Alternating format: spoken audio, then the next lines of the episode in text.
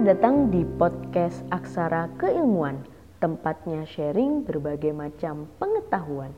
Oke teman-teman, kenalin aku Ainun Nadifatur Rohmah, mahasiswi UIN Sunan Ampel, Surabaya, jurusan Ilmu Komunikasi. Di episode yang kedua ini, aku akan membahas beberapa hal tentang komputer grafis yang pertama tentang peranan dunia digital dalam kemajuan dunia desain grafis. Terdapat dua sudut pandang mengenai hubungan peranan desain grafis dan dunia digital.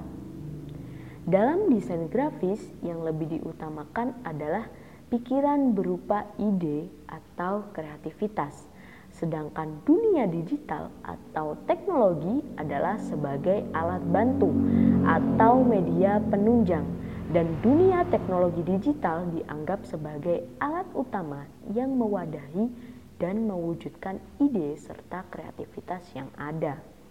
Karena di era digitalisasi sekarang ini, bagi sebagian orang tanpa teknologi tersebut, mereka tidak bisa mewujudkan desain grafis yang layak peran dunia digital pun membuat proses desain lebih efisien dan banyak sekali referensi serta inovasi yang dapat dilakukan.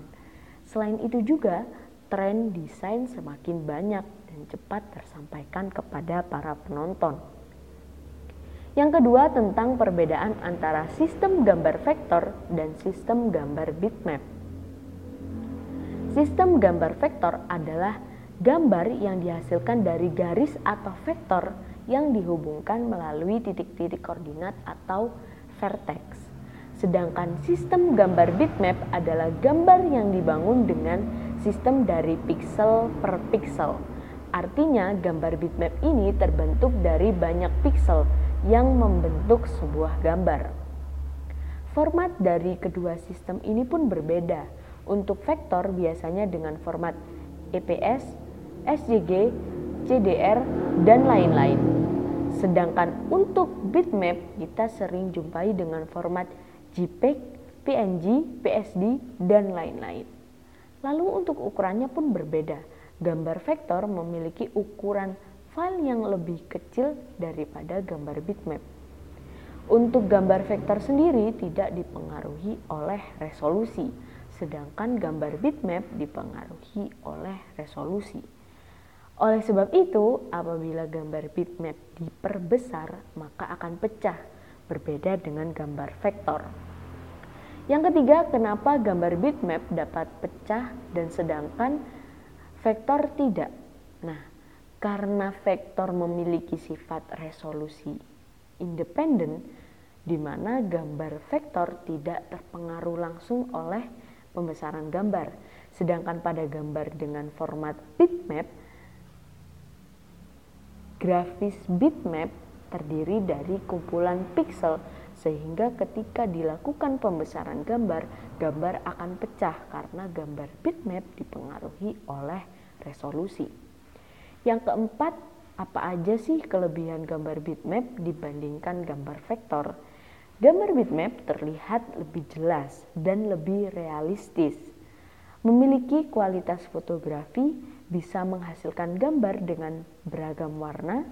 Gambar bitmap juga bisa diedit dengan bebas.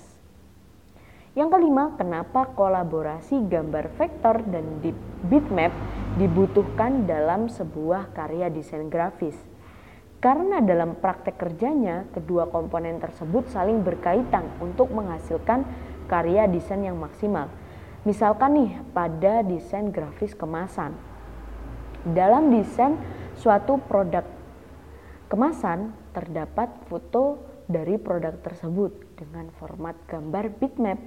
Sedangkan pada penempatan logo suatu produk, formatnya adalah gambar vektor. Karena pada kemasan produk, para pelanggan ingin melihat visualisasi produk secara real melalui foto format bitmap tadi.